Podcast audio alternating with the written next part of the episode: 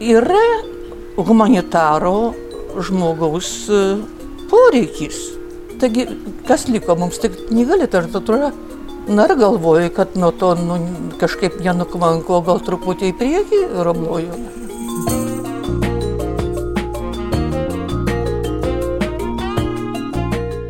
Apie faktus. Baltijos jūra švaresnė negu kad buvo prieš 30 metų. Tai nereiškia, kad prie palangoje ne pati švariausia, bet apskritai paėmus, jinai yra švaresnė. O čia yra mano problema su Factfoldės, kad galiausiai viskas grįžta Baltijos jūra. Sveiki, čia Karolis iš Nanuk, jūs klausotės Nailo podcast'o. Toliau dirbame vasaros režimu, kas reiškia, kad darome daugiau žurnalistinių eksperimentų, daugiau įrašų ne iš Vilnius ir daugiau bendruomeninių renginių. Šiandien norime jūs nukelti į palangą, kur kartu su mokslininkė Eglė Mūrauskaitė ir Nailo klausytojais diskutavome apie knygas. Specifiškai apie negrožinę literatūrą, vadinamąją non-fiction, kuri pastarosius penkerius metus lenkia grožinę literatūrą pagal pardavimus ir galbūt pagal svarbą šiandieninėje kultūroje. Dėl to, žinoma, galima ginčytis. Kas tai lemia? Kokias spragas mes norime užkamšyti, skaitydami negrožinės knygas? Ir kur yra riba, kiek knyga mums gali padėti, o kiek mes turime padėti savo patys? Tokius klausimus palangoje kėlėme. Ši diskusija įvyko Liepos 23-ąją įspūdingoje Martino Mažvido bibliotekos skaitykloje Palangoje, kuri veikia tik tai vasarą, rudeninai užsidaro. Mes susėdame skaityklos kemelyje, neturėjome mikrofonų, norėjome, kad pokalbis būtų labai organiškas, tarsi savotiškas knygų klubas. Tad garsas ir bus kiek tylesnis negu įprasta, bet tikimės, kad tai nebus problema. Pasiruoškite savo užrašų knygutes ar telefono Notes aplikaciją, nes minėsime daug knygų pavadinimų. Tikimės, kad dalis bus jums pakeliui. Na ir prieš pradedant, aš labai noriu padėkoti žmonėms, kurie palaiko Nanuk žurnalistiką finansiškai. Jie leidžia mums mūsų renginius daryti nemokamus, visiems atvirus ir nepriklausomus. Mūsų finansinė kampanija vyksta per Patreon platformą adresu patreon.com slash nanuk multimedia. Taigi, per pasarasis dvi savaitės prisijungė Ingrida Mikėnaitė, Neringa, Sandra, Jogaila Vaitekaitis, Giedrė, Justė, Jeva, Audrė, Milda Griciūnė, Gabrielė Damanskytė, Rūta Statulevičiūtė Kaučikinė, Vaiva Mažulytė, Milda Gardauskaitė, Edvinas Danyla, Viktorija Rakajevaitė, Urtė Speirokaitė, Vakarė Rimkė, Aušra Kaziliūnaitė, Jeva Lebedytė, Laurina Rašanskaitė ir Martynas Valys. O savo skiriamas sumas padidino Odeta Tum, Romas Abarauskas, Kestas ir Vaida LG. Ačiū Jums. patreon.com slash nanuk multimedia. Prisijungite ir Jūs ir palaikykite nanuk žurnalistiką. Kągi, keliamės į palangą. Gero klausimo.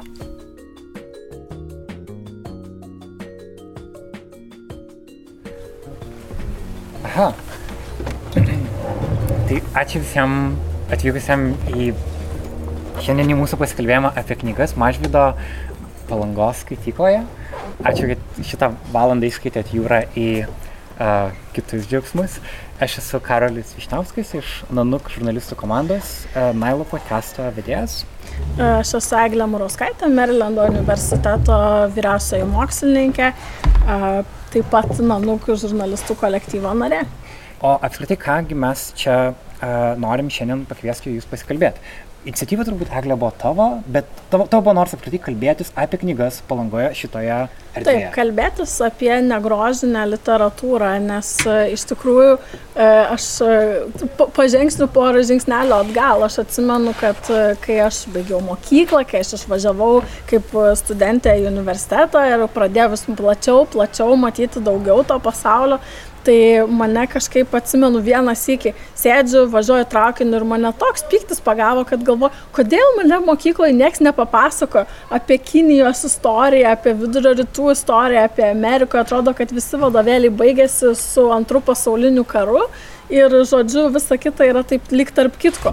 Kodėl mes nieko nežinom, o tikrai vyksta dalykų labai daug įvairių politinių virsmų. Ir aš kažkaip pati bandžiau tas spragas kamšyti labai aktyviai, tiesiog pasirinkdavau kažkokią temą, dabar va aš skaitysiu apie tai, rimdavau iš bibliotekos knygas ir, ir bandžiau, reiškia, užsiimti tokią savišvietą. Bet jo, aš atsimenu, tada tai buvau ten, nežinau, kokiu 22 metų tokia visa aktyvistė, entuziastė, jau buvau susiruošus prezidentai laišką rašyti, kodėl mūsų programa tokia yra vargšiška mokyklos, bet kažkaip nežinau, bai, sustojau ties savim, niekam kitam ne, neužverčiau to. Tai va ir susimašiau iš tikrųjų, kad ir šiandien apie tai norim pakalbėti, kad dvi negrožinės literatūros kryptis paliesti. Viena tai tokia, pavadinkime, faktinė šviečiamoji, tai tokia gal labiau ir mokslo populiarinimas, ir, ir fizika įvairi, ir, ir ir istorija tiesiog, ir regionų kažkokie dalykai, ir, sakykime, gal kažkiek tokios prieinamesnės mokslo literatūros, E, tai, nu, va, aš pavadinčiau tą faktinę literatūrą, ne? Ir tada, sakykime, kažkokia tai e, dvasinė literatūra, tai čia aš turiu omeny ir knygos, e, nu, nežinau, apie budizmą, krikščionybę, hinduizmą, tao, tai, sakykime, va, grinai religinio pobūdžio ir tos vadinamosios self-help knygos, psichologinė įvairi savipagalba, emocinio intelekto augdymas. Tai va, po šitą rubriką pavadinkim dvasinę literatūrą. Tai man iš tikrųjų yra įdomu apgalvoti, pakalbėti, pažiūrėti, ką kiti galvoja, kiek, nu, kiek, sakykime, yra e, kiek yra realu kažkaip tai mums kaip visuomeniai tas e, nu, spragas kažkiek tai kamšyti ne tik tai savom pastangom, bet ir, nu, bet ir sistemiškai. Jo, ir kai tu sakai spragos, kad teisingai suprastum, bent jau jeigu aš jaučiu tą patį sentimentą, kad kalbant apie Lietuvos istoriją, Lietuvos situaciją, lietuvių literatūrą, tu išmoksti Lietuvos mokykloje iš tikrųjų daug. Bet kada kalba eina apie kaip tu minėjai, Kiniją, apie, pavyzdžiui, nežinau, Afriką, apie Aziją, ten tu gauni lyg ir bazinius faktus, bet tai yra praeinama, nes dažniausiai tarsi tu ruošiesi egzaminai, o egzaminė svarbiausia vis dėlto lietuvių istorija. Ir tada atsiranda tokia knyga, tokios knygos, kaip, na, kurios kalba bendrai apie lietuvių, apie pasaulio vystimasi ir žmonės taiga Lietuvoje pradeda jas labai mėgti. Ir ne tik Lietuvoje, aš pažiūrėjau statistiką, čia, e, kad e, ne grožinė literatūra pastarosius penkis metus JAV yra perkamesnė už grožinę literatūrą, ko anksčiau nebuvo. Čia yra visiškai naujas fenomenas ir tai parodo skaičiai. Pavyzdžiui, tų vadinamų non-fiction knygų yra parduota už daugiau negu 6 milijardus dolerių, o fiction, grožinės literatūros parduota už 4 milijardus. Ir uh, jeigu pažiūri, pavyzdžiui, knygos LT, toks yra lietuviška internetinė parduotuvė, knygų ten irgi, pavyzdžiui, šiuo metu perkamiausios knygos yra uh, Svetlanos Aleksievič apie Černobilio, Černobilio maldą, kas turbūt susijęs su Černobilio serialo populiarumu. Taip pat yra um, pirmoje vietoje, iš tikrųjų, Jordan Peterson 12 gyvenimo taisyklių, kas ir parodo dar daug kitų dalykų. Bet taip pat, pavyzdžiui, visos tas knygos, kaip ten savo gyvenimą atsimti savo ir įvairios self-help knygos jas labai išpopuliarėjo. Dalis žmonių masto, kad yra dėl to, kad šiaip mes gyvenam kažkokiu labai neaiškiu laiku, kai neaišku pasaulio ateitis. Ir tada tarsi mes žiūrime į knygas, kad pagaliau kažkokį truputį sujungti dalykus į mhm. vieną tokį tarsi dėlionę, sujungti į kažkokią platesnį uh, mhm. dalyką, nes galbūt filmai mums to neduos, serialai mums to neduos, knygos mes vis dar tikimės, kad mums tai duos. Nu tai tu čia dabar kelis iškeliai klausimus, kuriuos aš norėčiau paliesti, tikiuosi nepamiršiu pailiui. Tai gal pradėkime nuo Lietuvos istorijos. Nu, man tai yra akių vartimas. Tikrai ir pirma reakcija, kai sako, kad mokykloje mus išmoko lietuvių istorijos. Nu, literatūrą aš sutikiu. Mokykloje mus išmoko daugiau apie Lietuvos istoriją negu ne taip, apie Lietuvos okay, istoriją. Šitą, taip, mes galim sutikti su to? Tai visiškai šimtų procentų, bet tai yra apskritai labai tendencingas, mano nuomonė, istorijos pateikimas. Ir, na, nu, aišku, jau apie tai, kaip tu sakai, žinai, prabėgimas e, kitų šalių istorijos. Tai, nu, vien apie tai, kokias mes šalis pasirenkam liesti, kad ir prabėgim apie Afriką. Nu, gal ir yra krontos vadovėliuose kažkur kažkas, bet, nu, aš tikrai nuoširdžiai neatsimenu nieko. Yra Mesopotamija ir Egiptas, ta prasme, ankstyvose civilizacijose. Bet kad, pavyzdžiui, mes visiškai nekalbam apie Afriką, Australiją, tarsi neegzistuotų tie dalykai kaip šio laikiniam pasauliu, nu, man atrodo absurdas. O kitas dalykas, kad net ir tuos, kuriuos mes jau pasirenkam liesti, nu tai ką, Kinija yra koks nors boksininkų sukilimas, o tarkime Amerikoje, nu, tarsi, kol aš pati nepagyvenau Amerikoje, aš nesuvokiu, kiek mes nesuprantam. Yra kažkas, alėtė dėstomo trobelė ir kažkas pilietinis karas, bet tu nesuvoki, kiek yra nu dabar gyvi tie sentimentai, ta prasme, e, mano draugų, nu tai senelių karta, tai sakykime žmonės, kuriems dabar būtų 70 ir plus, yra e, nu, šeimos, kurios yra praradę realiai didelės tam plantacijas, turtus, vien dėl to, kad vat, pilietinis karas nusprendė panaikinti vergyją ir, ir žodžiu, ten iš žemvaldžių stambių perimti, perskirstyti turtą yra to karo laukai visiškai netoli Vašingtono, Virginijos valstijoje, tai aš nežinau, čia, nu tai yra miestas, ar ne, ir, ir didelė valstija, tai gyvena vad žmonės tokioje suburbijoje, nu vad sakykime, kaip priemesti, ar ne, palangos būtų, ir vad medžiai yra, ir yra nuo to karo, reiškia, E, spigliuota viela išlikusi visur aplinkui, tarsi tai yra taip nesena ir mes nesuprantam, man atrodo, kiek, vat, nu, vat, kalbėjom praeituose epizoduose Nailos apie baltąjį supremacizmą, ar ne, ir, ir apskritai apie tos visuomenės kilimus ir mes, manau, nesuvokiam, iš kur tai ateina. Tai, tai va ten, va tie, žinai, dalykai ir kad mes to visai neliečiam, tai yra keista. Aš matau, kad tu nori sureaguoti, gal sugrįšim prie to, bet dar noriu paskutinį dalyką paminėti, vad kuo tu užbaigiai apie tai, kad uh, mes tarsi tikimės iš knygų, e, ko mes nelaukiam, ar iš serialo, ar filmo, ar kažko. Ir čia man tai, pavyzdžiui, irgi buvo įdomus fenomenas ir aš tikrai ne pati tą sugalvojau, o, kaip sakant, paprotino mane kiti žmonės kad e, kažkaip vat, posovietinėse šalise yra nepaprastai didelė svarba skiriama akademiniams pasiekimams ir vat, bibliotekos kultivavimui, doktorantūros, magistrantūros laipsnių darimui, kad, sakykime, va, ta pati edukacija ar pačiam savo, ar su instituciškai kažkaip vat, posovietiniai erdvėjai yra šiais laikais vertinama daug, daug stipriau negu, pavyzdžiui, Amerikoje, kitur Europoje, kur, sakykime, žmonės, e, nu, jeigu jie neturi formalaus specialaus išsilavinimo, bet ar verslą vysto, ar, sakykime, yra menininkai kokie ar kažkaip, tai, tai kažkaip taip nežiūrima labai, kad tu turi, vat, kaip, kaip čia pasakyti, pagal plauką būti grina veislis ten toksai, vat, edukuotas. Tai vat, man atrodo, tas, žinai, iš knygų, tas ateina iš dalies ir jau paskui išsigimsta iki tokio lygio, kad aš puikiai žinau pažįstamų mano, kurie daro interjero dizainus ir jiems būna paprašymas, klientas užsako, nu čia virtuvės spintelę padaryti ar ne, čia kažkokias lentynas. Į lentynas man būtų gerai, kad nupirktum knygų vat, pagal spalvas, biškinėlį, nu biški geltonų, nu va toksai, va, kaip šalia toršero, žinai, nu tai, tai čia irgi, žinai, ką ta biblioteka duoda tau galiausiai. Aha, ir aš suprantu, kad e, sakydama tai, ko tau trūko mokykloje, tu galiausiai atradai knygas, kurios tau padėjo dalį tų pažinimo tokių tuščių vietų a, jas užpildyti. Ir aš manau, kad a, visą laiką kalbant apie knygas, žmonės nori kažkokių, žinai, pasižymėti savo užrašų knygutėse, aha, šitą turėčiau perskaityti. Ar tu turi tokių rekomendacijų, ar, žinai, rekomendacija knygos yra labai individualus dalykas. E, vis dėlto, ar buvo tai tos knygos, kurios tau, baigus mokyklą Vilniuje, tada išvykus studijuoti į nuo JAV iki Egipto, iki Australijos, žinai, padėjo užkimšti tas skilės? E, buvo, aš, nu, ta prasme, e, aš labiausiai turbūt pajaučiau pačioj pradžioj, kad vat, man trūko tos, sakykime, regioninės informacijos, kad aš tiesiog nežinau nieko apie tai. Tai aš e, gyvendama Australijoje imdavau iš vietinio universiteto, labai atsimenu, buvo pas mane vidurio rytų periodas, tai vat apie Saudijo, Saudo Arabijos karalystę labai gerą knygą skaičiau, man atrodo, taip ir vadinasi The Kingdom of Saud. Nu, beveik mm. visos knygos, kurias aš skaitau, iš tikrųjų yra anglų kalba, tai jau čia atleiskite klausytojai ir auditorijai jeigu ne viskas yra išversta į lietuvių.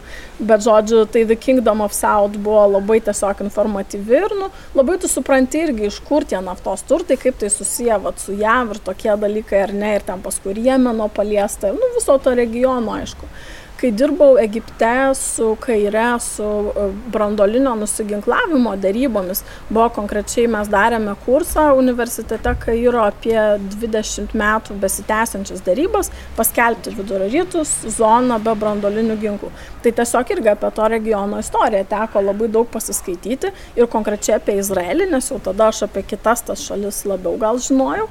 Ir, ir vat Izraelio perspektyva, kokia yra, tai iš jų labai E, labai nemažai irgi skaičiau autorių, vad konkrečiai iš šito.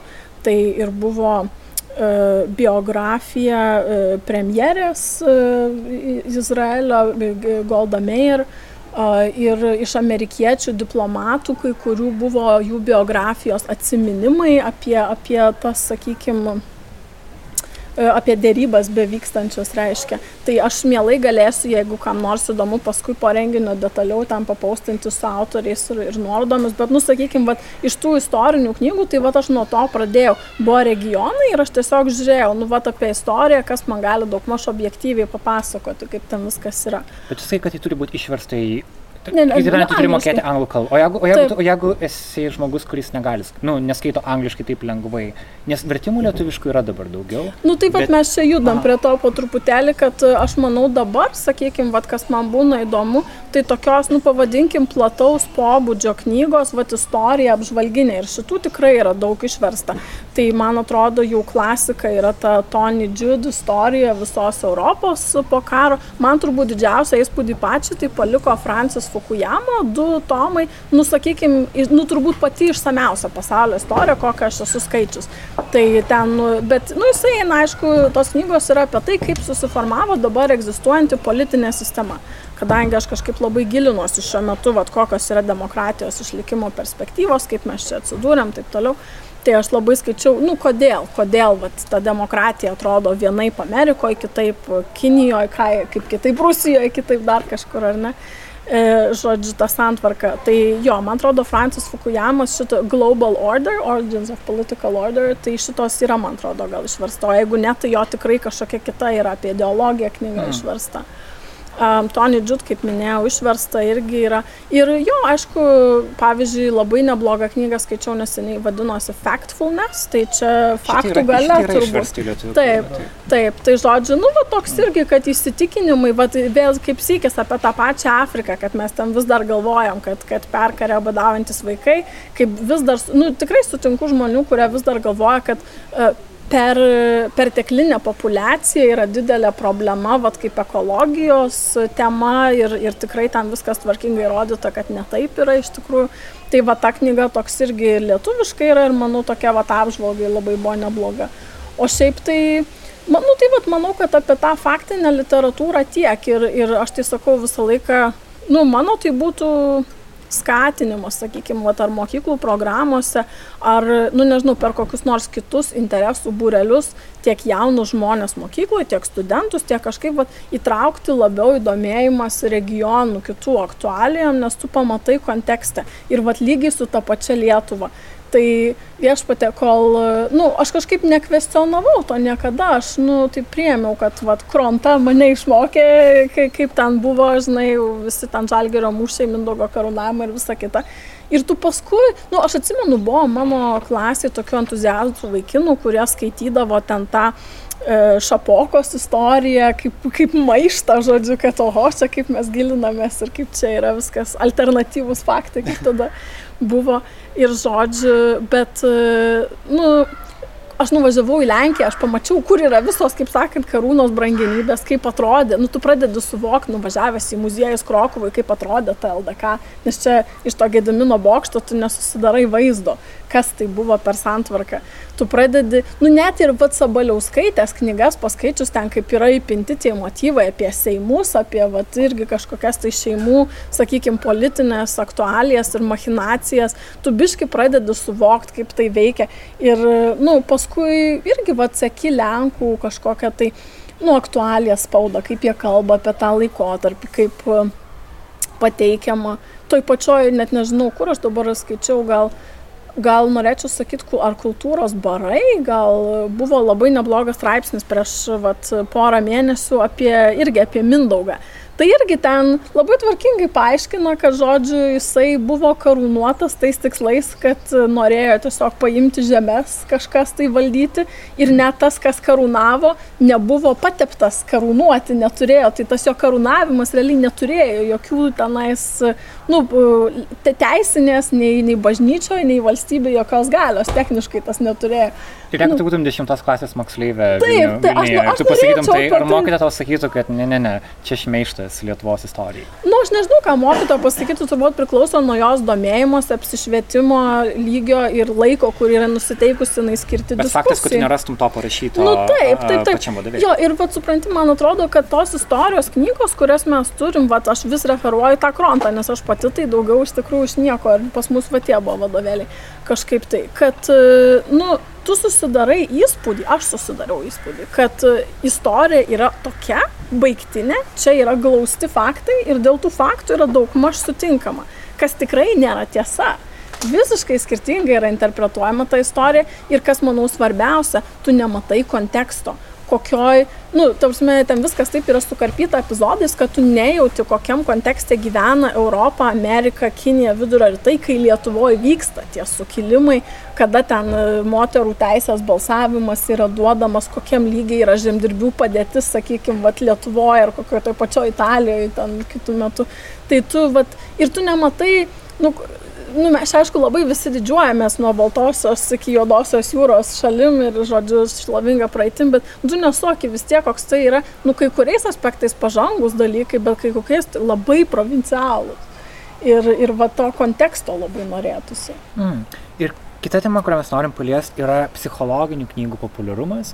Ir tai yra turbūt pirmiausia labiau anglakalbės erdvės dalykas, kad jeigu tu panikai į, kny, į knygyną um, kurią nors, nežinau, um, so, Paryžyje, Londone, kažkur kitur sostinėje, tu matai tarp perkamiausių knygų labai daug to, tokių knygų, kurias vadinasi ten You're a badass ir tu gali viską padaryti. Ir daugelis jų išversta. Jo, gali, kalbą. gali viską mylėk save, mylėk kitus, tikėk, norėk. Kas tiesiog rodo, kaip tam daugelio apskritai žmonių tiesiog kad vadinasi, kad tokių knygų reikia, nes tos knygos, jeigu tu knygą nusipirki tam tikrą pažadą, kad, aha, šiaip man nėra, aš nesijaučiu labai gerai su savim, aš turiu daug problemų vidinių, bet aš perskaičiu šitą knygą ir turbūt nebeturėsiu. Maždaug to toks, tu, tu nusipirki ją kaip pažadą, kad tu kažkaip pasikeisi. Ir tau niekas nepasako, kad knyga yra tik kaip tam tikras, na, gairias, bet visą darbą turi atlikti pats po to. Ir e, vis dėlto yra turbūt tos knygos, psichologinės knygos, kurios realiai yra tikrai gali tau padėti atrakinti save. Ir yra kitos, kurios tiesiog naudojasi šitą bangą, nes dabar tokios knygos yra paklausios.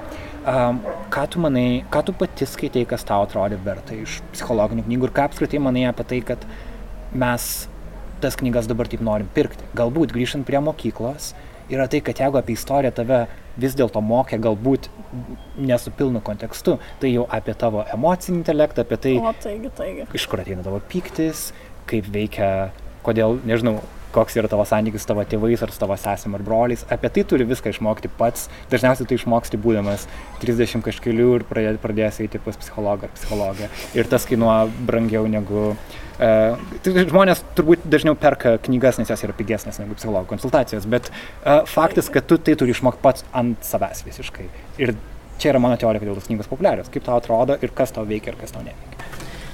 Nu, čia vėl, sakykime, let's unpack this, kaip aš mėgstu. Mėgstu, penkių aukštų klausimų. jo, jo, nieko tokio, mes prie visko prieisim. Tai, žodžiu, pradėkim gal nuo to, kad aš manau, tu visiškai teisus, jos populiarios, nes yra pigesnės negu psichologo paslaugos.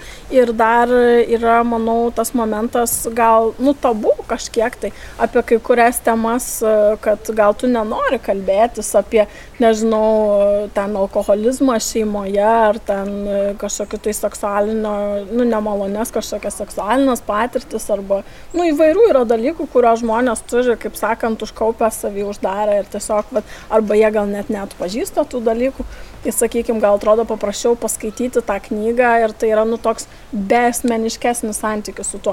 Bet vat apie psichologinę literatūrą aš norėsiu dar grįžti e, atskirai turbūt prie šito aspekto. Aš mhm.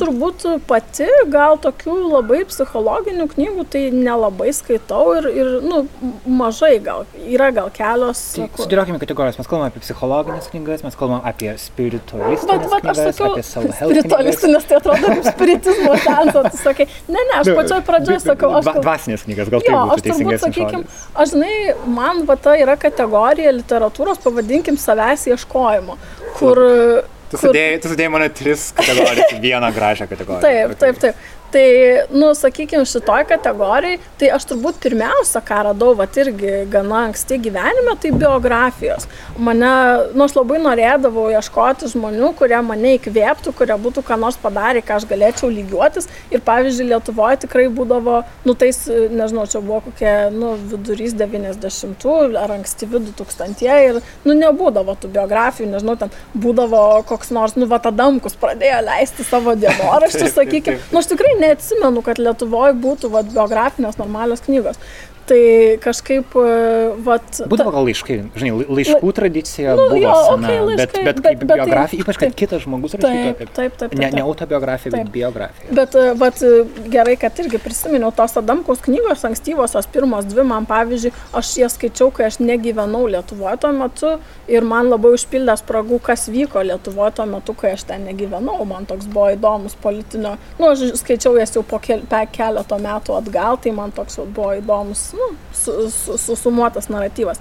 Bet tai grįžtant prie tų biografijų, tai taip, aš kai pasirinkau po ekonomikos studijų studijuoti saugumo dalykus, aš labai skaičiau daug įvairių diplomatų biografijų. Man Sergio Viera de Melo biografija parašyta Samantos Power, nu nepaprastai padarė didelį įspūdį. Ir šiaip Samantha Power, jinai yra kaip žurnalistė, jinai yra rašysi apie genocidą Ruandoje knygą, tada apie va, šitą diplomatą, reiškia, jungtinių tautų Sergio. Ir, ir paskui rašys irgi labai padarė stiprų įspūdį. Aišku, Naomi Klein irgi ten gal mažiau biografinės knygos, bet panašaus žanro rašytoja. Mhm. Va dabar, pavyzdžiui, apie klimato kaitą yra nu, labai stipriai ta knyga ir su asmeniniais visokiais motyvais. Taip. Bet, e, sakykime, tai va, biografijos.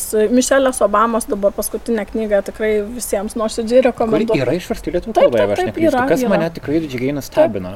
Jo. E, Marinos Abramovič va dabar šiuo metu, kaip kalbame, pabaiginėjau knygą pasiskolintą iš draugės ir e, vadinasi Eiti keurai sienomis, nu aš skaitau angliškai, ją, bet yra lietuviškai tikrai išversta. Nu, fantastiškai knyga ir labai, nu, parodo visapusinius tos dvasinius ieškojimus menininkės iš vienos pusės, kaip jinai, vat, nu, tu supranti, kaip jinai prieina prie to performanso, bet, sakykime, kai aš dabar šalia dar skaitau labai daug knygų įvairių apie rytų tradicijos dvasingumą, tai man labai, nu, aš matau, kad jinai irgi, ir jinai rašo, kad jinai ir važiuoja į tuos vienuolynus ir, ir semės, ir iš meditacijos kažkokių tai vaizdinių, patirčių, sakykime, mokėjimo dirbti su savim. Tai vad, sakykime, toj vad savęs ieškojimo kategorijai biografijos. Tada kita, sakyčiau, va tokia e, irgi ten pat kategorija, nu, pavadinkim apie, nu, vat, d- dvasingą literatūrą, ar ne? Tai tiesiog įvairių, įvairių dvasinių lyderių, sakykime, ir to paties Dalai Lamos. Man labai patiko tokia knyga Svamio Vive Kanandos, jau čia yra sena knyga, bet, e, žodžiu, vadinosi Džinana Joga, labai patiko ir tikrai stipriai, nu, tiesiog, vad, kalba apie egzistencinius dalykus ir, ir sakykime, kaip ką žmogų galėtų užvesti ant kelio. E, Bet e, savo laiku aš lygiai taip pat e, skaičiau ir krikščioniškos literatūros. Atsimenu, buvo tokia knyga, ar juodos avis gali melstis. Aš tuo metu wow. dainavau chorę bažnyčios ir, ir man vat, buvo įdomu pasigilinti ir į tą tradiciją. Gospel choro, man gospel muzika labai patiko Ką visada. reiškia juod- juodos avies metafora šiuo atveju? Nu, toj vat, čia buvo maždaug kalbama kaip juoda gulbė? Ar... Ne, ne, ne, juoda vis tai reiškia, nu šiaip jau reiškia, kad kažkoksai tai, pavadinkim liaudiškai, atšaitas žmogus. Tai reiškia kažkoks, nu, atstumtasis, kažkoks nusi, nusikaltęs, nepriimtinas, kažkoks šeimos, sakykime, dėmė. Bet e, ten konkrečiai buvo kalbama apie žmonės, kurie, nu, gal, sakykime, nelaiko savęs labai religingais ar dvasingais ir vad kaip jie galėtų kurti ryšį. Ar su Dievu, ar su kas jie ten įsivaizduoja, kad kažkur yra kitur, nu, ir vad iš krikščioniškos pusės. Tai man atrodo, va tas yra labai svarbu, kad man atrodo kažkaip gana banaliai pas mus yra prieinama prie tų tekstų, net ir prie tos pačios Biblijos, ar sakykime, jau apie rytų tekstus, ten kokius nors bagavadgytą, aš gal net ir nelabai nukalbu, bet, nu tai atrodo kažkas, nu tokio, nu kaip enciklopedija, tu jos nesuprasi, neperskaitysi, tai yra per daug, ar ne? Ir aš manau, kad, nu kažkokie egzistenciniai klausimai anksčiau ar vėliau visiems žmonėms iškyla, kai kuriems, va jauniems, sakykime, brestant, augant labai užaštrėja, tai kur aš turiu eiti, kas aš esu ir, tarkim, va, iš tos konfliktiško nepritapimo kažkokios pozicijos kitiems žmonėms gal su amžiumi ateina klausimai, kur mes toliau eisim ir kaip čia su prasme yra. Tai man atrodo, kad, nu, vad, sakykime, skaityti knygas žmonių, kurie jau apmasto iš įvairių tradicijų. Tai vad, man atrodo, čia yra gana prasminga. Tai nėra jokių būdų sakymas, kad tu turi ar ten tikėti kažkaip, ar daryti kažkokias praktikas. Tai tiesiog yra žmonės, kurie labai gerai išmano tekstus ir, sakykime, va, tau pa- papasakoja, kaip, kaip va, dažniausiai šio laikiškai kaip tą pritaikyti. Hmm. Tai, nu, ir aš net ir prie to pačio priskirčiau tada jau trečią gal kategoriją, sakykime, tokių Nu, vat, gal čia ir jau pradeda sugrįžti prie tos psichologijos, literatūros, e, kur yra kažkokios tai mokslinės studijos, va kažkokių fenomenų. Tai pavyzdžiui, vat, yra labai man patikusi knyga Kanazavas proto paradoksas, irgi esu rekomendavusi daug kartų kad, e, nu, tai yra studija, tiesiog kaip veikia tavo smegenys, kaip jos reaguoja vienus ar kitus stimulus ir kaip ten yra. Ir ten, nu, Ar čia kažkas panašaus į šitą Thinking Fast and Slow, kuri Iš- tapo irgi panaši Taip, fenomenu, va, ne? labai gerai, kad paminėjai, taip apskritai to Kaneman, Kaneman ir Tverskį aš netgi susidūriau dar studijuodama ekonomiką, kai tai buvo vat, apie e, elgesio ekonomiką, behavioral economics, tai labai buvo irgi įdomios studijos, nes šiaip jau ekonomika visada daro prielaidą pagrindinę, kad žmogus yra racionalus ir visas elgesys yra motivuotas naudos maksimizavimu. Apie tai, kas yra nauda ir ka, kur yra maksimumas, mes kažkaip ne, nekalbam tenai.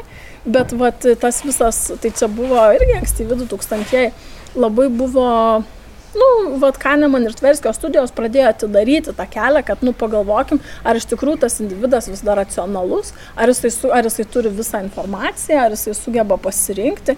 Ir va ten, va jie konkrečiai tyrinėja įvairias, va tuos pavadinkim, kažkokius shortcutus, kurios smegenys ima ir, sakykime, bando greičiau apeiti, greičiau padaryti tą sprendimą ir galiausiai gaunasi, kad virvė yra gyvatė, kol tu atidžiau nepasižiūri. Tai, tai vad sakykim taip. Bet, nu tai čia tirada tokia gera, pažiūrėjau, gal kas nors, nežinau, gal kai kalbėsime plačiau kažkokių klausimų, kas, bet aš va dabar prie ko norėjau sugrįžti, nuo ko tu pradėjai, ar ne, prie tos psichologinės literatūros. Ir, ir nu gal iš dalies apskritai va tų savęs paieškų, ar ne? E, nu, aš sakykime, gal nelabai esu susidūrus su tokia, nu, pavadinkim, diletantiška literatūra, kur kažkas, nu, ba, nu tiesiog, sakykime, va, kaip tu sakai, bando iščiuošti ant bangos ir pigiai pasipelnyti. Aš nemanau, kad aš sugebėčiau, nu, įvertinti profesionaliai, ka, jeigu taip ir buvo. Bet tiesiog kartais būna, kad, nu, va, nepatraukia ir tiek, ar ne. Bet man atrodo, kad čia, va, yra kitas dalykas, tema, kurią, va, šitam pokalbį, man atrodo, yra įdomu gvildenti. Kiek tu esi pajėgus uh, nu, vat, pasidaryti išvadas iš viso šito. Jeigu, sakykime, skaitant tą pirmos kategorijos, ką kalbėjom, faktinę, istorinę literatūrą, nu, tu arba supratai, arba nesupratai, arba atsimeni, arba ne, arba tau įdomu, arba ne. E, Pavyzdžiui, esu bandžiusi skaityti tą riešuto kavalę visatą, kai man, nežinau, studentavimo metais anksti, kai tik pasirodė ir, nežinau, nu kažkaip vat nepatraukė, nelabai ne, ne lipo ir nu ką padarysi. Bet, vat, pavyzdžiui, su psichologinė literatūra, tu labai teisingai pasakėjai, kad tu lyg ir tikiesi, kad vat, perskaitysi ir, ir pasveiksi, perskaitysi ir tau bus geriau, ir bus kažkoks raktas, ar ne? Bet iš tikrųjų, nu, ar tikrai mes esam pajėgus taip tą informaciją vat tokią įsivertinti, e, kiek tos mūsų problemos, sakykime, tikrai yra išvešėję, suprasti, kaip tos įrankius panaudoti ir, ir nu, padėti savo galų gale. Nu, vienas dalykas, kad reikia labai didelių valios pastangų, ne, net ir perskaičius, sakykime, gerą ar psichologinę knygą, ar įkvepiančią biografiją ar kažką, kad nu jau tikrai tą savo gyvenimą pritaikyti. Mano pavyzdžiui, viena draugė e, dažnai darydavo tokius 21 dienos kažkokius eksperimentus ir rašydavo, reiškia, kaip ten neįsekasi, kad e, tu turi mažiausiai 21 dieną kažkokius vat, naujus įpročius bandyti, ar anksti keltis, ar ten kažkaip su mytyba tvarkytis, ar kažką. Nu ir tai ir užtrunka, ir sunku. Ir svarbiausia, kaip tu gali įvertinti, ar jau tu čia savo padėjai, ar tu vėl tik tai savęs neapgaudinėjai, ar tu neužšoksi ant vilko, ant meškos. Tai, tai vad man čia atrodo su šita jau literatūros kategorija labai iškyla klausimas, nu, kiek mes galim tiesiog e, e, interaktinti žmogus ir knyga, kai nėra kito jokio žmogaus šalia, kai tu neturi pareflektuoti su kuo pasidalinti, kai tu neturi su kuo palyginti. Hmm. Tai gal atsakymas yra matyti knygą kaip tam tikrą pirmą žingsnį ir tada ieškoti kitų žmonių, ieškoti, ieškoti kitų žmonių, kurie galbūt skaitė tą patį, ką tu skaitai, arba su kažkuo kitu aptarti, kad knyga iki galo išsipildo galbūt tik tada, kai tu ją aptari su kažkuo kitu, gal taip reikėtų mąstyti. Nu, vat, manyčiau, kad iš tos, sakykime, psichologinės ir savipagalbos literatūros, tai aš būčiau linkus taip ir manyti. Nebūtinai su profesionalu, bet bent jau su kitu žmogum, kuris vat, irgi... vat, būtent, Jo. būtent, būtent ir, ir gal iš dalies tu teisus, kad e, jeigu tu, nu, tave domina kažkokios temos, e, ten nežinau, nuo nemigos iki veganizmo, tai tu, sakykime, perskaitęs, tu jau matai kažkokius, e, nu, nuorodas į ka- kas yra cituojama, kitus autorius. Tu matai kažkokį kontekstą, tu gali kažką pristaikyti ir gal tave kažkaip atvestas į, į vat, kitas bendruomenės, ar ne, kažkur tai susirasti tos žmonės, su kuriais tu galėtum aptarti. Ir aš galvoju, ar tos bendruomenės egzistuoja, ar čia, jūs čia esančiai kas nors priklauso kokiam nors knygų klubui, kad ir savo trijų draugų, arba ar jūs aptarėt knygas su kitais draugais. Nežinau, Eglė, kad tu tai darai. Tu, tu, ir tavo, kai tu perskrustai į palangą iš Vilnius, tavo viena pirmųjų iniciatyvų buvo pakviesti žmonės į savotišką knygų klubą Taip, tai gal taip. nebuvo tada kalbėtis apie knygas, bet šiaip kalbėtis. Taip, taip, taip, tai mes Ir darom, jo, turim du knygų klubus iš tikrųjų Vilniuje ir man labai buvo smagu, kad e, mes turėjom tokias iniciatyvas su draugais. Viena buvo tokia uždaresnė, labai mažo tipo salonas e, pas žmonės būte ir, e, nu, ten la- labai tos diskusijos buvo vienokio pobūdžio, labiau psichologinės, o kitas klubas buvo atviresnis, kur būdavo draugų draugai ir draugų draugų draugai ir dažniausiai būdavo žmonės, kurių dauguma mūsų nepažįsta, kažkas kažkieno pažįsta vienas ir, ir ten labai būdavo plačios tos diskusijos. Ir jo, palangoje iš tikrųjų, nu, aš atsiprašau čia gana neseniai, tai aš nejaučiau, kad aš tiek pažįstu čia ar bendruomenės, kad aš, nu, suprasčiau, ko žmonėms reikia, kas įdomu, bet mes pradėjom daryti vat įvairias diskusijas vieną kartą su Neringa Rekašiūtė apie jos išleistą knygą ir, ir kaip žmonės su skausmu tvarkosi, kaip, kaip procesina, kokiam spalvomis paskui išsivinioja. Vat šį kartą čia kalbamės plačiau apie negrožinę literatūrą. Tai nu man tai yra vat, kažkokia atmaina šito noro kalbėtis e, ap- apie knygas, atsispiriant į knygas, bet jom neapsiribojant. Jo, nes pokalbė apie knygas vyksta rečiau. Pavyzdžiui, kada pasirodo naujas filmas arba ypač naujas serialas, yra gan natūralu paklausti tavo draugo ar draugės, ar tu žiūrėjai tai ir ką tu manai. Uh, Apie knygas retai tai būna, kad viena iš, būna išleidžiama kažkokia knyga ir jūs ją iš karto nus... Gal po knygų mūgės tai būna.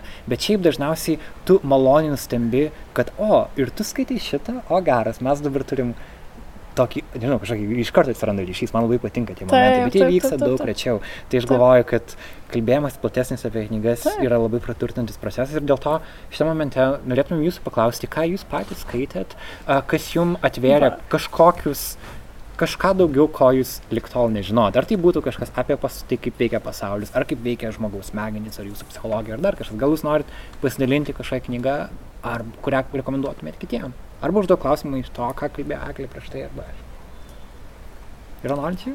Aš girdėjau, kad žmonės palangoje turi knygų klubą, gal norėtumėt trumpai tiesiog papasakoti, kokia tai yra iniciatyva ir ar sutiktumėt.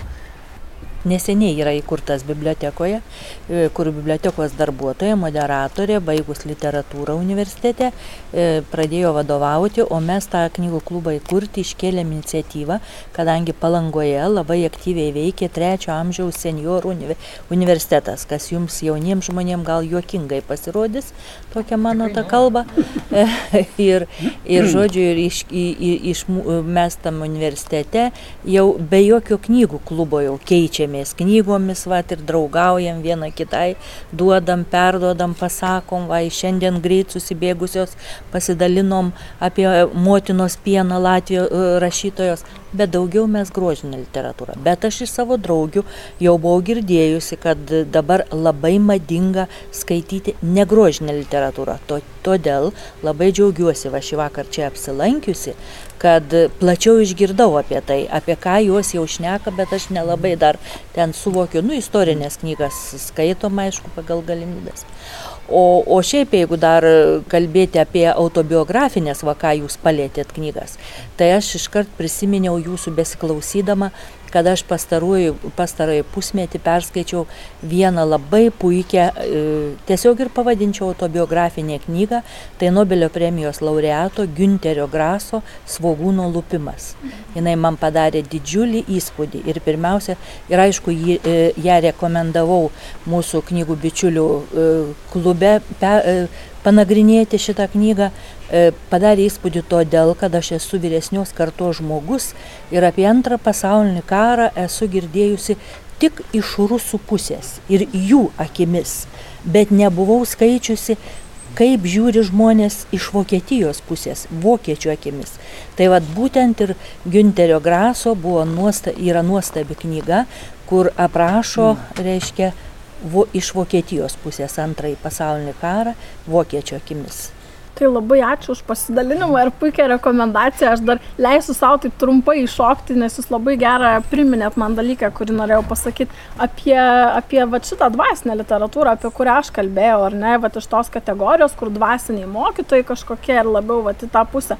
Man atrodo, gal kas nors pataisys mane, jeigu aš klystu, bet man atrodo, kad Lietuvoje žmonės, kurie yra, sakykime, vyresni, nu, iki nepriklausomybės buvo brandus asmenys, jau pavadinkime taip, kad yra šiek tiek gal nusugadintas jiems tas žanras, nes rusų kalba yra žiauriai daug išleista va tokio misticizmo visokio, bet va ten tai man atrodo jau tų tokių, nu kaip čia pasakyti, gal nelabai kvalifikuotų žmonių, bandančių piršti savo nuomonę, ar ten vos ne užkalbėjimai, kad ten nepaliktų tavęs vyras ir ten, kad plaukai neslinktų, nu, iki, nu taip suprimityvintai ir nebeaišku apie ką, va tokio va biški šarlatanizmų jau net kvepia. Ir aš įsivaizduoju, kad tuo metu gal, nu, kai buvo už, uždanga ta geležinė, kad buvo sunku turbūt gauti žmonėms dvasinės literatūros ir ypač todėl, kad ten ta, sakykime, antireliginės nuotaikos vyravo, tai turbūt tiesiog, nu, kas buvo ta žmonės ir skaitė. Bet aš įsivaizduoju, kad kadangi ten buvo va tokio labai daug, nu, priedo paprastai šnekant, kad galėjo tas labai atkratyti žmonės. Tai man atrodo, kad vat, aš matau jaunesni žmonės, kurie vat, nu, dabar netgi eina į mokyklą ir, ir sakykime, vat, apie 30, kad ta nu, rytų kažkokios filosofijos ar apskritai dvasinė literatūra atrodo jiems artima, bet va šiek tiek vyresni žmonės, sakykime, apie 50 ir daugiau, aš matau, kad jie labai taip kratosi to ir galvoja, ar čia tik nebus tas. Bet man rodos, jūs kažką norėjot terptis, prašom. Gal nu, kaip nesako, pareflektuoti. Aš e, nesu knygų graužikas, visiškai ne, ir kai jau čia galvojau, nu, apie grožinę, kai aš nekės, tai aš nieko nežinosiu. Nes aš, kas, jeigu ką ir skaitau, tai apie tai, ką jūs šnekėjot, ir tos pavardės, kur ten Fukuyama, Naomi Klein ir ten visi šitie, jo, tai čia jau, taip, dabar mano stalo knyga Kissingeris, bet, bet aš norėčiau sutikti, kad aš kaip jau tas, nu, ne pas gal vyriausias, bet nu vienas iš vyresnių ir nepriklausomybė atėjau, kai jau buvau, jau ir vaikų buvo, nuo savų, pasakysiu taip, kad biografijos, nu, aš buvau tik pramokęs skaityti, tiesa ne lietuviškai, bet latviškai, mano mylimiausios knygos buvo Saint-Exupéry biografija ir Louis Pastero biografija. O tokios toros knygos, aš gal antrokas ar trečiokas jas skaičiau su dideliu užsidigumu.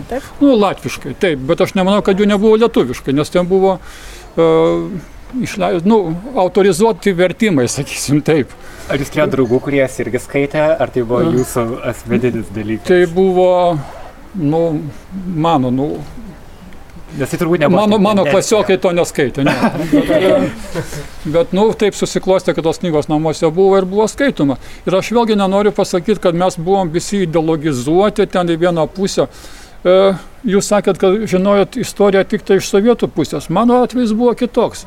Istorija apie antrąjį pasaulinį karą. Apie antrąjį pasaulinį karą, va tą aš norėjau pasakyti. Aš augau šeimoje, kur mano tėvas buvo Latvijos legionierius. Aš viską žinojau iš pirmų lūpų, kaip buvo iš tikrųjų. E, ir kodėl jisai buvo legionierius, ir e, kodėl jis su vokiško uniforma kariavo prieš e, bolševikus, ir kodėl mes kiekvieną vakarą, kaip nu, kažkas eina į mišių, mes į mišęs nevaikščiodavom, nes nu, netikintis, bet kiekvieną vakarą buvo sėdima prie radio imtuvo klausoma, balsai draugiški, kaip jie tai vadinosi. Taip kad požiūris į pasaulį buvo, aha, paklausai programą Vrėmę, taip pasakė. Paskui tą patį paklausai per Amerikos balsą ar per kitą laidą.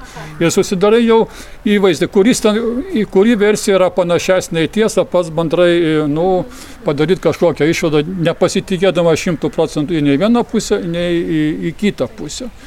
Tai tas pats, kad nu, skaitai ir dabar aš skaitau tai, ką man vaikai liepia skaityti. ir tai yra tas pats Roslingas, kurį, kurį skaičiau su, uh, nu kaip, su tam tikra atmetimo reakcija pirminė. Ypač kai jis rašo, kad ten vienas vaikas ten Afrikoje kažkur tai guli ir, ir mirinėja ir ai, tai tu jo ir negydyk, nėra reikalo. Nu, vis tiek reikėtų gydyti, bet aišku, tas jo požiūris statistiškai pagrystas, kad e, nu, objektyviai skurdas pasaulyje mažėja, e, nors jis yra, bet jis vis tiek mažėja, nu, tai yra teisybė. Aš ir dirbau kažkada pačioj, tam pačiam Vašingtonė, vienoje kontoroje, kuri užsiminėja kova pasauliniu mastu prieš nu, Skurdą, taip. Taip kad e, tai, tai yra ta literatūra, kuri mane kabina, o vat, tos dvasinės, tenais aš niekada savęs nebuvau pametęs, aš nežinau, ar man reikia, man, man reikia save ieškoti. E, ir aš gal, nu, visiškas agnostikas, aš perskaičiau Bibliją, taip, ten yra daug teisingų dalykų, bet ar tai reikia priimti už gryną pinigą, kaip, nu, taip sakant, the choice is yours. Aš nuvažiavau kelis kartus į Jeruzalę ir man tai tik patvirtino, kad Jėzaus ten iš tikrųjų nebuvo. tai kiekvienam savo yra interpretacijos. Ačiū labai už pasidalinimą. Gal mūsų etatinis klausytojų suolas norėtų kokį žodį pridėti. Aš moku psichologai. Vietoj psichologinės literatūros. O šiaip kas, kas, kas skaito atostogų metu? Prašom, iš krepšelio, ką nors pa, pamojuoti. Jinai perskaitė. E, biolo, biografiją. Šiandien pabaigiau Abramovič. Labai ir lyg sakė, man paliks. Bet kas yra su Abrama, Abramovič ir Abramovič? Abramovič. Bet kokiu atveju. Abramovič. Nes ji tapo visiškai hit Vilniaus visose ratuose, palangojo matau irgi. Ir a, ji tik nebuvo ypač populiari menininkė Lietuvoje, arba aš nesuvokiau, kad ji yra tiek populiari. Ar tai tiesiog yra gerai parašyta knyga ir įspūdinga istorija, kuri, kurią laiku sumastė kitos knygos beros išversti į lietuvių kalbą. Kas tai knygoje yra tokio, kas tiek rezonuoja? Jų tiesiog gera knyga. Labai, labai kaip saldainis susiskaito. Ta prasme, labai paprasta, man atrodo, labai daug žmonių paprasta buvo tiesiog suprasti ir skaityti ją. Mm. Jis kalba apie labai tokius komplikuotus dalykus nuo to, kaip jinai augo, sakykime, E, nu, didžiuliam nepritekliu Jugoslavijoje, iki to, kaip jinai savo mene gana, nu, save įvairiais būdais žaloja, atidaro labai stipriai ir per nuogumą, ir per emocijas. Ir jinai apie tai kalba, vad, kaip jūs gerai sako, taip kaip saldainis, taip, taip atrodo labai paprastai ir, nu, nuimta yra didelė dalis to, pavadinkime, emocinio, gal negatyvo, kad jeigu tau, sakykime, draugas pasakotų, ne, aš save plakiau iki kraujo, nes man atrodė, kad čia bus geras spektaklis ir nusprendžiau pereiti skausmo sieną, nes tiesiog mano, kaip sakant, protas triumfuos prieš kūną. Tai tu gal biškai susimastytum, ne, tau viskas gerai, ar kaip čia, kaip ta, tau skaudėjo, kaip čia buvo, o ne apie tai kalba, tiek yra išjautus viską ir taip tikrai talentingai sudėta, kad atrodo, pat būtent tu nuimi tą emocinį kažkokį, nu ar teisimą, ar sakykime, nu, prie, prie įsivaizdavimo, kaip turėtų būti ir tiesiog, va, nušvietiesi. Jo, kad, būna ir taip. Tu žinai, kad galutinis rezultatas yra tai, kad vis dėlto ji yra be galo sėkminga daugelį žmonių įkvėpusi menininkė. Ir čia turbūt yra vis dažnai apie autobiografinės knygas pasitaikantis, na, tu tai skaitai kaip tam tikrą, gerai, aš nebūtinai to pasaką, bet dalyką su laiminga pabaiga. Labai dažnai taip nutinka, ar ne? Bet bent jau su biografijomis, kurias esu skaitęs aš, tai galbūt su tu, kad ir kokie sunkumai būtų, galiausiai, galiausiai yra laiminga pabaiga. Bet čia gal kažkas, kuris skaitė kitokių biografijų ir visiškai su to nesutinka. Um, čia buvo komentaras. Jo, aš kaip tik, kai Eglė užsiminė, kad uh, kai išgirsti, kad žmogus paskaitė tą pačią knygą, kur tu iš karto ryšį pajunti. Ir tu būtent sakė, kad skaitai Mariną Abramovič. Ir aš prieš dvi savaitės palangoje buvau ir ją perskaičiau per keturias dienas. Ir va, kuo ta knyga žavi, kad tu skaitai ją ir tarsi yra pokalbis, tarsi tau pasakotų tas žmogus, prieš tave sėdėtų tokia paprasta kalba parašyta, tarsi tau pasakotų tą savo istoriją. Tai tikrai labai rekomenduoju ir tai man taip pat patiko kaip moteriai ta knyga, kuri labai įkvepianti yra. Tai parodo labai stiprią asmenybę. Taip pat parodo labai įdomią istoriją, kaip jinai augo buvusioje Jugoslavijoje, tokioje šeimoje netipiniai, kur tėvas kariškis, motina irgi karą mačius armijai tarnavus. Tai taip pat persipina gražiai tie istoriniai momentai ir sociokultūrinė ta visa situacija mūsų regiono. Tai irgi rekomenduočiau. O dabar kaip tik pasižiūrėjau, kablyje yra lentyna knygų, kur galima pasiskolinti. Tai pagrėbiau tokią knygą apie ketvirtą, apie Apple, Facebooką, Amazoną ir, ir Google, kaip jisai mus valdo. Tai labai irgi įtrauk, įtraukianti knyga. Aš norėčiau paprašyti, žinau, kad yra žmonių, kurie skaito irgi šiek tiek dvasinę literatūrą, gal, gal norėtum ką nors, vat, nu, kaip, kaip sakykime, ką, tau, ką, ką tas duoda, kiek tas vat, yra da, dalintinasi ir kiek vat, gali būti tiesiog užtekti asmeninio santykio su tom knygom tavo paties augimui. Nu. Aš pasirinksiu, ką gal atsakyti iš šitų visų klausimų, tai kas man patogiausia ar ne. Tai, nu, nežinau, čia tokia labai tokia slidi tema kažką ten reklamuoti ar dar kažką sakyti, nu, bet mano gal bendras toksai požiūris ar ne į tą dvasinę literatūrą, tai pavadinkim, yra toksai atsargus, kad aš tyčia labai daug visko neieškau. Jeigu kažkaip tai natūraliai susiklosto, kažkur, kažkur pasako, užkliūva, nu, gal kažkokie pavadinkim tokie neracionalūs, tokie intuityvūs kažkokie dalykai, nu kažkur pamatė, pavartėjai, dar kažkur ir daug iš tiesa tos literatūros tokios yra, kur tu, pavyzdžiui, pavartai, padedi, pat vado vėl kažkada pasiemi, vėl pavartai, nu tai nėra, kad tu atsisėdi, kaip, kaip sakė, ir ne per keturias dienas perskaitai ir viskas, nes nu vis tiek tai tokia, gal pavadinkim, kažkokia labai kompletėtyvi literatūra, kur ten, nu, reikia kažką apmastyti ar, ir pagaliau Nu, ir toks prisipažinimas savo, nu bent jau man asmeniškai, kad, nu, ta prasme, yra knygų, kuriuoms tu nesi galbūt dar pasiruošęs. Ir, nu, ir ką jau čia dabar padarysi. Arba yra knygų, kurias tu perskaitai, atrodo, kad kažką supratai, po to tu netyčia ją kažkur pasėmė po trijų metų ir supratai, kad tada prieš tris metus, na kažką ten tu buvai suvokęs. Gal turi pavyzdžių konkrečių, koks E, tai buvo? nu, iš dvasinių gal ne dabar taip. Ne, ne, ne, bet kokių. neturiu, bet mano šiaip bendra tokia laikysena, pavyzdžiui, dėl tos didžiosios literatūros, ypač gal grožinės ir gal jo dvasinės, kad, kad ją reikia skaityti keletą kartų per gyvenimą.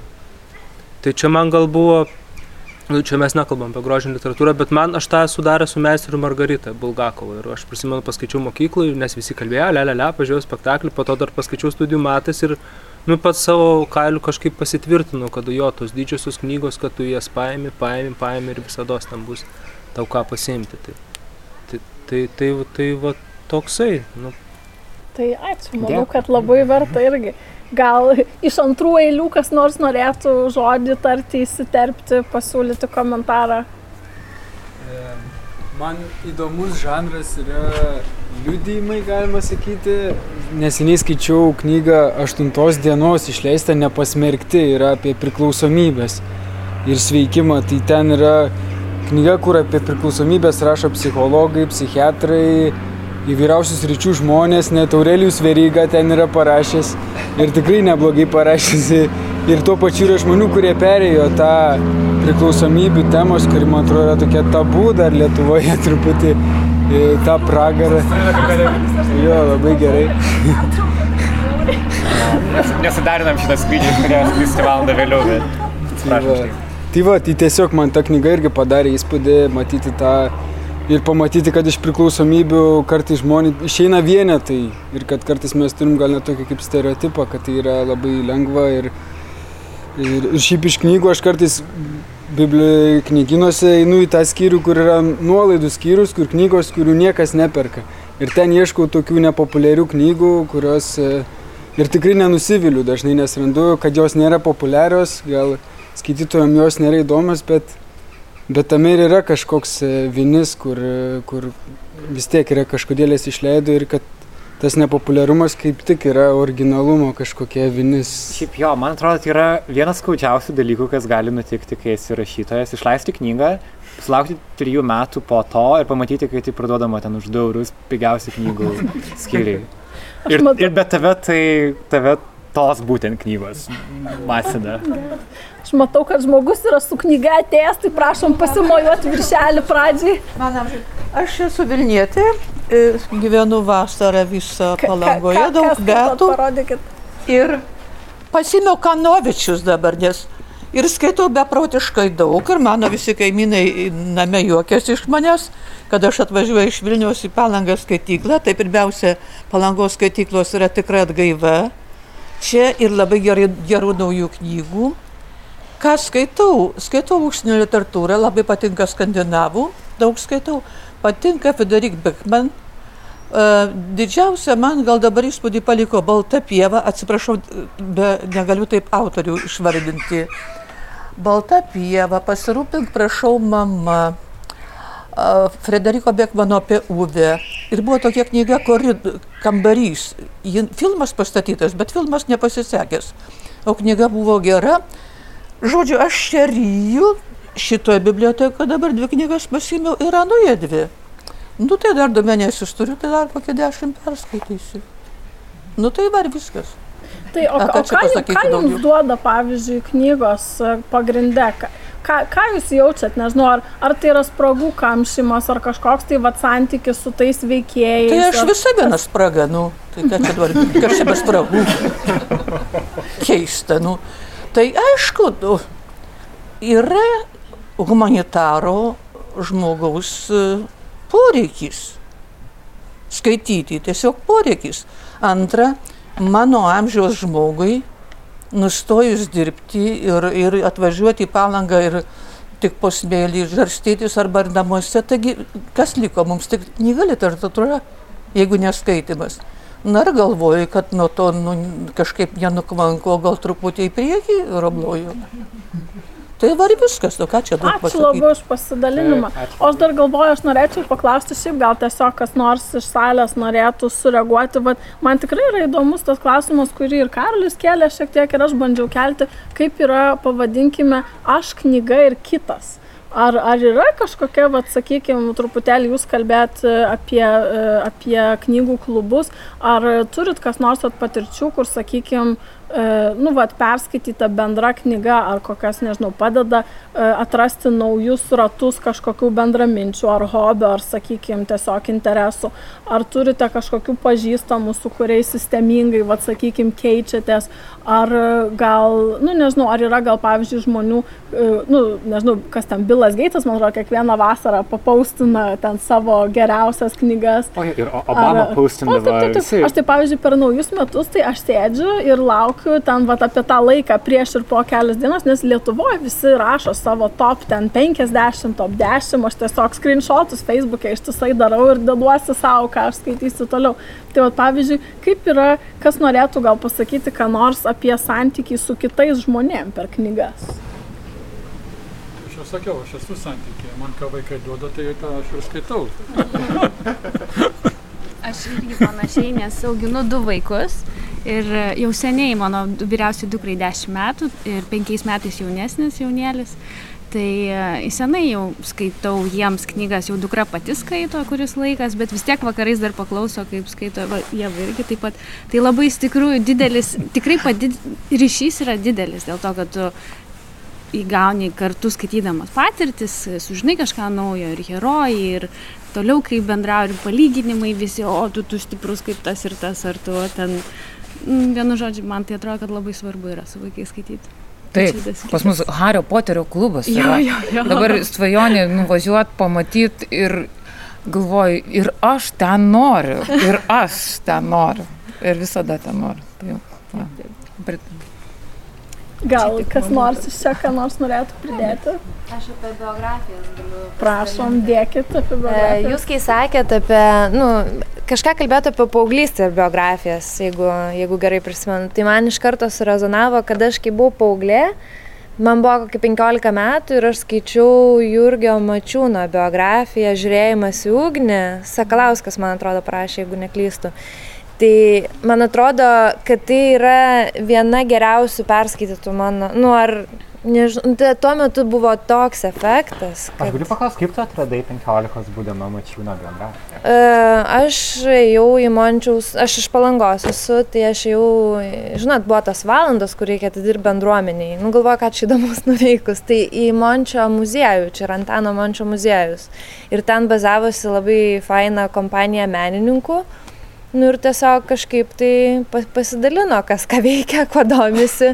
Kažkaip aš ten įsipaišydavau jų, jų pokalbius, man patikdavo paklausyti, ką jie ten protingi žmonės šneka ir vat kažkaip, kažkaip taip. Tai vat man tokį labai įspūdį paliko ir aš galvoju, kad tai, nu, svarbu tą knygą perskaityti, tai vis tiek yra lietuvis ir, ir tai, nu, tikrai nuostabi knyga.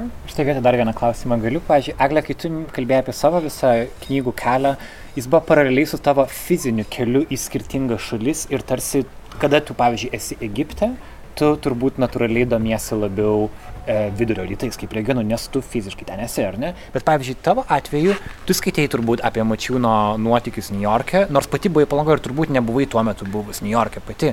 Ir man vis šitas įdomus dalykas, kiek tu gali sustapatinti su erdve, kurioje tu pats fiziškai niekada nebuvai. Pavyzdžiui, man visai paauglysai pavykdavo su Murakami susitapatinti, nors aš nes likščiol nesu buvęs Japonijai. Ir kažkaip pavyksta. Ir man įdomu, gal ir kiti turi daugiau patirčių su to, kaip, kai mes kalbam apie erdves kitas, ar, ar tai, kad tu ten fiziškai nesibuvęs, ar tai yra problema? Ir jo, galbūt gali kažką pridėti dėl to. Nežinau, netrodė problema tikrai, nes ir Murakami tą patį irgi, kai skaičiau, tai atrodė, kad ten kaip būčiau toj vietoj. Kažkaip nežinau, gal nuvaizduoti tą nuneša, jeigu yra įtaigiai parašyta, tai tuo metu nebuvo jokios galimybės keliauti. Ir tai ko gero buvo vienintelis būdas, kaip aš galėjau keliauti ir visiškai išpildė, nu, viską.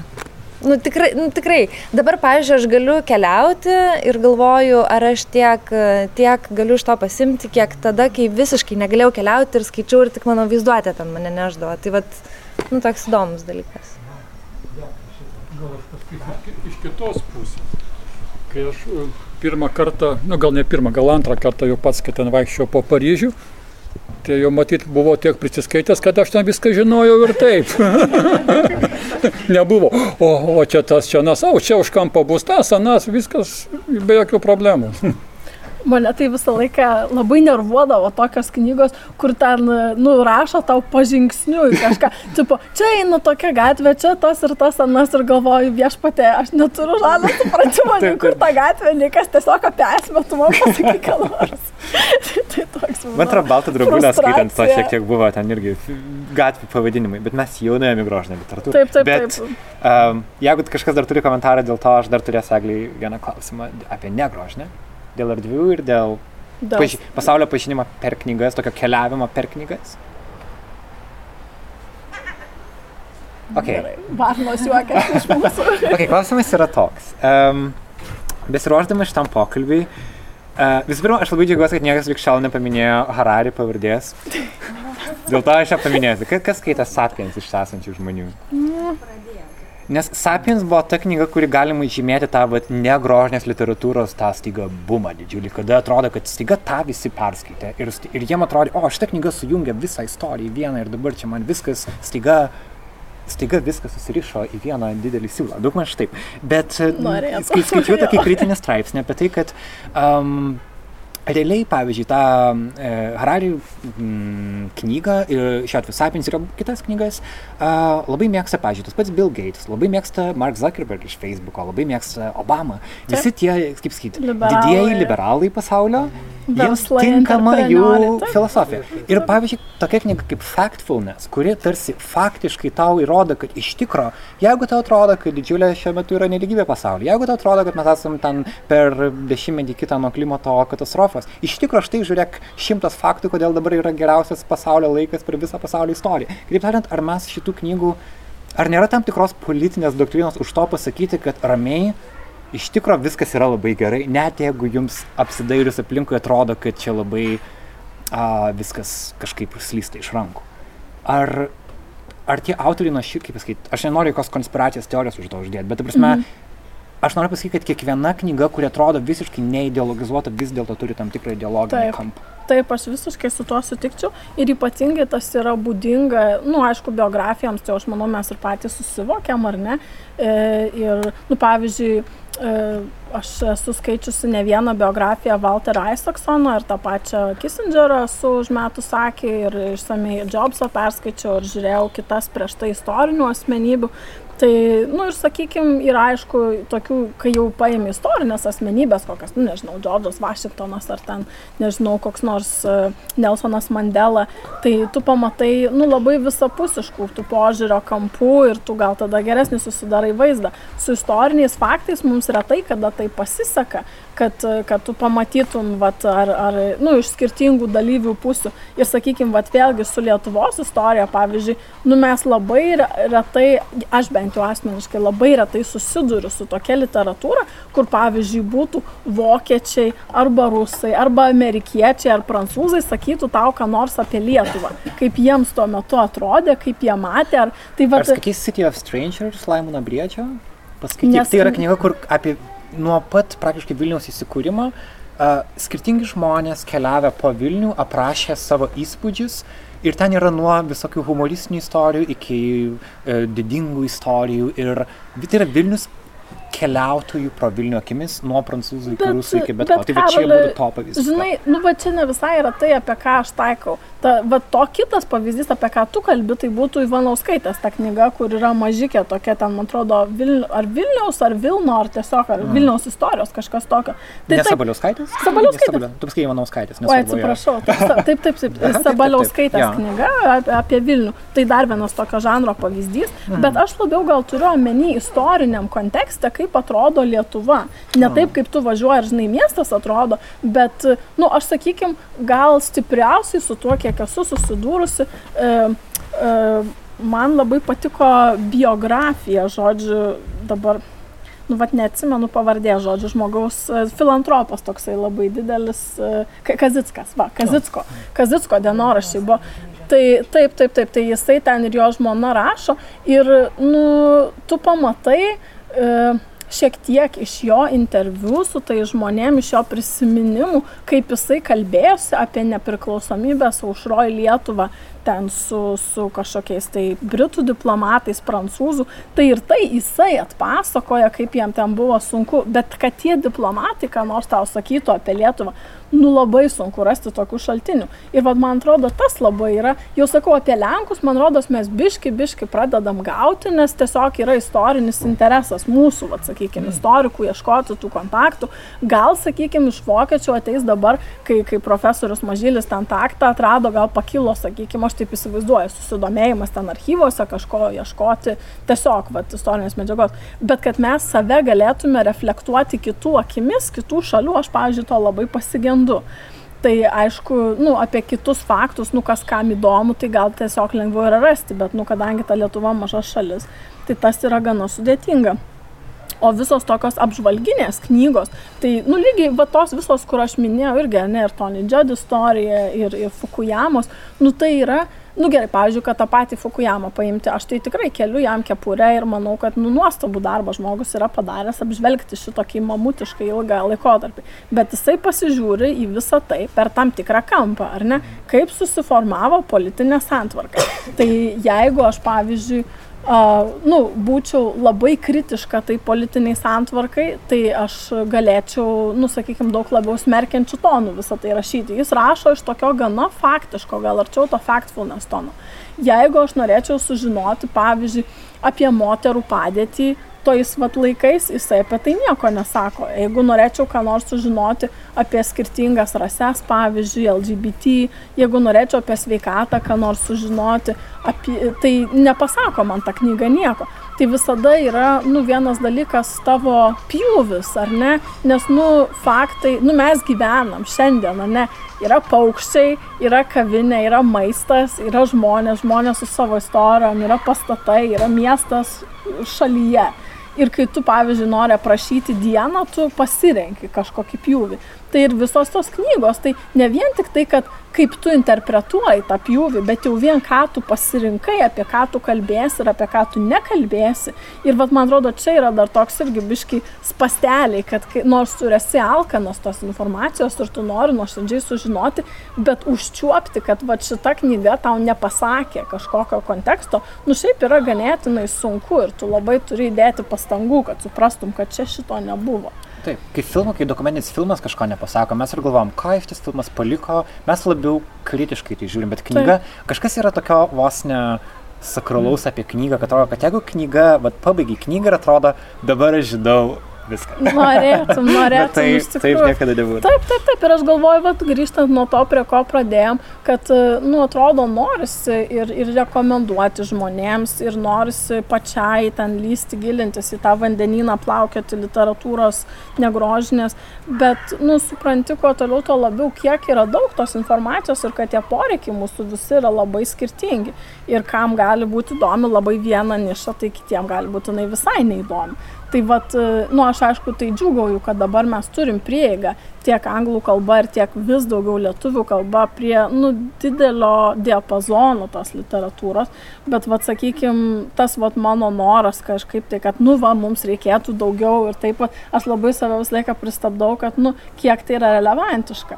Aš, pavyzdžiui, kai žiūriu į, nu, kitiems, kai žiūriu dabar, sakykime, įvairias, nu, futuristikos, nu, kur, kur eina pasaulis, ar ne, ar apie klimatą, ar apie kažką e, diskusijas, tai aš matau, kad yra vis labiau kalbama apie e, kaip čia pasakyti, asmuo su asmeniu mokymasi, peer-to-peer learning. Kad reiškia, tavo yra kažkokia siaura niša ir būtų kažkoks vat, specialistas, kuris yra žinomas, ar, sakykime, grafinio dizaino, bet tik logotipų, ar veganinio maisto, bet tik indiško ir žodžių, ir kad konkrečiai vat, jis tave tiesiogiai moko, tau siūlo ne, ne kaip universiteto programa, reiškia, bet va taip labai tiesiai.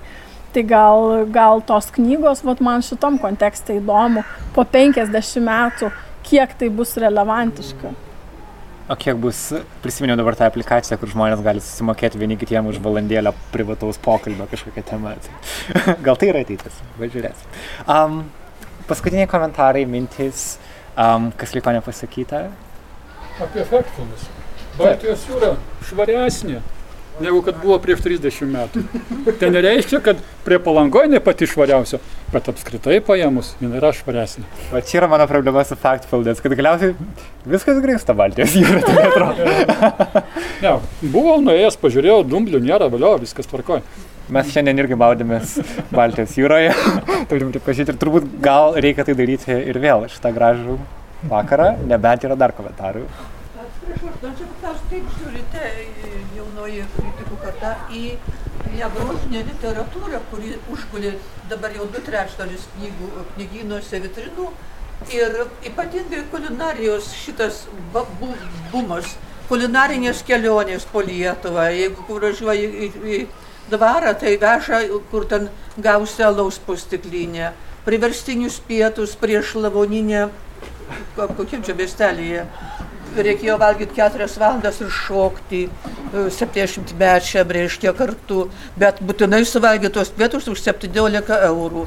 Tai sužinojau, kad keulės karka ir duona supluta su, tai tada yra lietuviški bajoriški valgiai. Ir visos kočius, Jagelavičiūčių knygos apie pusryčius su Koršunovu, kas čia yra, kaip man, kaip papaiškinkit, kaip suprasti šitam plūdurę, nepaklysti tarp tos kulinarinės užsienio kelionės, kulinarinės po Lietuvą, kulinarinė literatūra, kulinarinis daktaras televizijai. Tai kaip čia dabar daryti? Ta daktaro knyga tikrai populiari, šitą žinau. Um, aš nesu skaitęs ne vienos kulinarinės knygos gyvenime. Um, nu, nu, ką reiškia skaityti kulinarinę. Ką reiškia skaityti kulinarinę knygą? Nu, aš turbūt gal, nežinau, turbūt irgi nesu skaičius. Aš matau, kad yra ten, vat, ką minėt, kokią nors bonos virtuvę esu mačiusi, tai pravartai knyginę, kur nors dar kažką. Man patinka receptų knygas pirkti karts nuo karto, tiesiog, nes aš daug gaminu namie ir šiaip gaminti labai mėgstu ir tiesiog man kartais nusibosta ir aš noriu kokio nors biškai įkvėpimo. Tai pavyzdžiui, yra mano draugės, kurios gan profesionaliai užsijima ten, nežinau, maisto apžvalgas rašyti ar fotografuoti maistą ten kavinėms, restoranams, tai jos ten šnypčia, sako, taigi čia visi tie receptai, čia nieko naujo, kam tu čia švaistai pinigus, čia viską. Ir, nu, bet galvoju, nu, man tiesiog va ant akių yra, aš pasižiūrėsiu. Bet jeigu atsakant jūsų klausimą, tai aš manau, kad čia mano interpretacija yra, kodėl tai išpopuliarėjo, nes mhm ir konkrečiai gal Lietuvoje. Aš manau, gal toks yra šalia vat, visų šitų psichologinių dalykų, kad, žodžiu, ten siek būk, ten ir, sakykime, spręsk savo problemas, yra labai tokia garsiai skambanti nata, mylėk save per visus galus, ne? Sekso davai, drabužių naujų davai, viskas sauliaisk, visos laisvės, viskas. Nu ir ta prasme, aš manau, kad žmonės po truputį atsirenka, kas, nu, kas ten buvo labai užspaudę savyje kažko daug tai gal, gal kažkiek paleidžia. Jeigu žmogus, nu kaip čia pasakyti, pabando ir šį ir tą, nežinau, nuo narkotikų iki alkoholio, iki ten prisipirkimo dalykų ir, nu, gal irgi žmonėms biški ats, atsisijoja, ko to iš tikrųjų reikia. Bet manau, kad vat, maistas yra vat, irgi šito mylėk save dalis, kažkokio tai, sakykime, vad hedonizmo kultūra. Tai aš taip įsivaizduoju, kiek man pasakoja žmonės, o pavyzdžiui, mano mama, kaip, kaip buvo egzotika, kramtoma guma ir džinsai, tai tikrai atsimenu, kaip Lietuvoje buvo banga šitų, vadinasi, molecul, molecular cuisine, molekulinė virtuvė, ne, kad didžiulė lėkštė, mažas patiekaliukas buvo labai nauja ir dabar jau beveik visur tai yra. Bet tai buvo vat nauja ir kažkokia vat forma meilė savo, ne, nes maistas yra su kuo mes kasdien susidurėm ir toks, nu kaip ir palepink save, kaip spa ritualai, sakykime, tai va toks. Bet, nu, man atrodo, kad gal su Lietuvos istorinė virtuvė arba aš per mažai apie tai žinau, arba man tai atrodo pernelyg komercializuota, nes, nu, aš įsivaizduoju, kažkiek tos virtuvės gal yra. Mano nuomonė, dauguma lietuvių, kaip aš suvokiu lietuvių populaciją tuo metu, čia dar atskira diskusija, aišku, yra, tai buvo valstiečiai, labai neturtingi ir tiesiog valgė košę įvairią, kruopos tiesiog, bulves ir, ir tai labai paprasta su kokiu nors ten pieno užpilu ir ten labai viskas buvo paprasta pas juos, nu aišku, lašiniai kur nors su duona turbūt irgi buvo.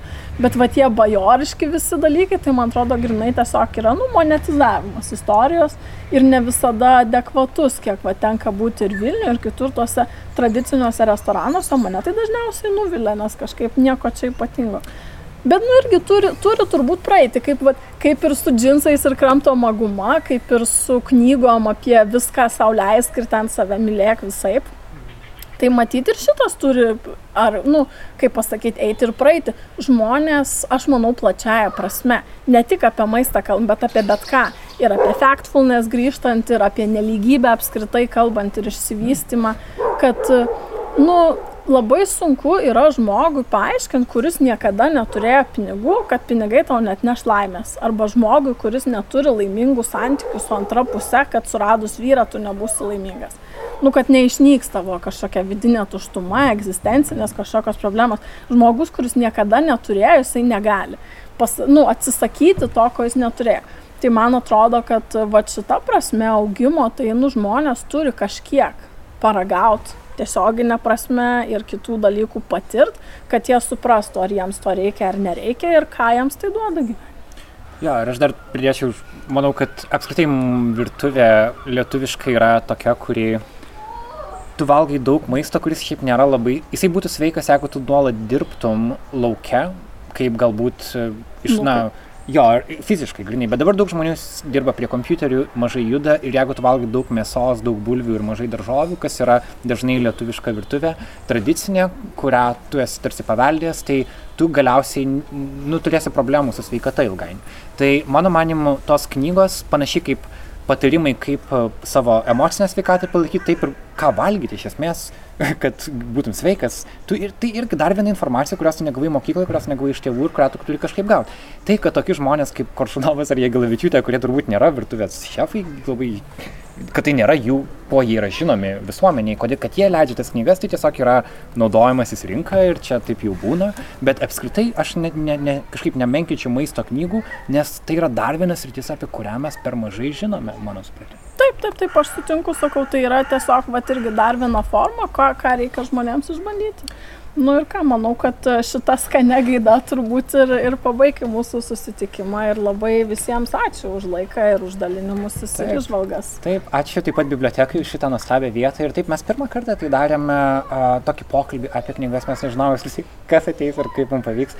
Aš labai gerai jaučiuosi dabar, ačiū Eglė tau už tavo išvalgas, man labai malonu jų klausyti ir ačiū visiems, kad galėjote išgirsti gyvai. Aš pasirašiau sąrašą knygų. Taip, tokius pokalbis mes turime kas mėnesį, nanuk. Uh, platformoje, N, uh, mūsų tinklalaidė vadinasi Naila, nila.lt rašasi ir ten kas mėnesį mes kalbamės apie pasaulio situaciją. Šiandien kalbėjomės apie knygas, nes šiandien yra vasara ir mes esam palangoje. Ačiū Jums labai. Ačiū.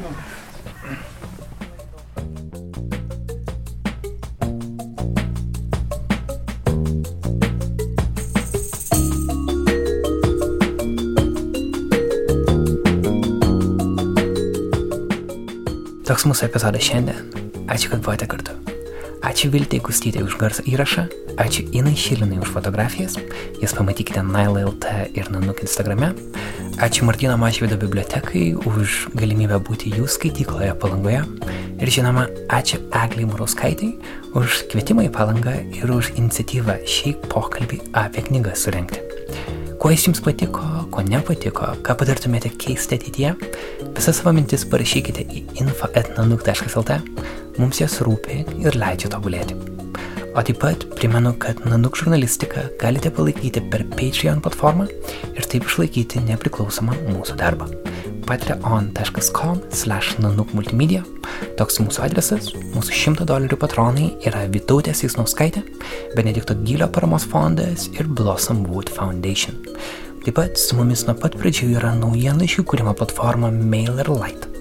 Mes patys naudojame jų naujienlaiškį ir kviečiame užsisakyti, jeigu norite gauti nanų naujienas tiesiai į savo pašto dėžutę. Epizodą vedžiau ir redagavau aš Karolis Višniauskas, Nailo podcastą kuria žurnalistų kolektyvas Nanuk. Susitikim kitą savaitę. Iki.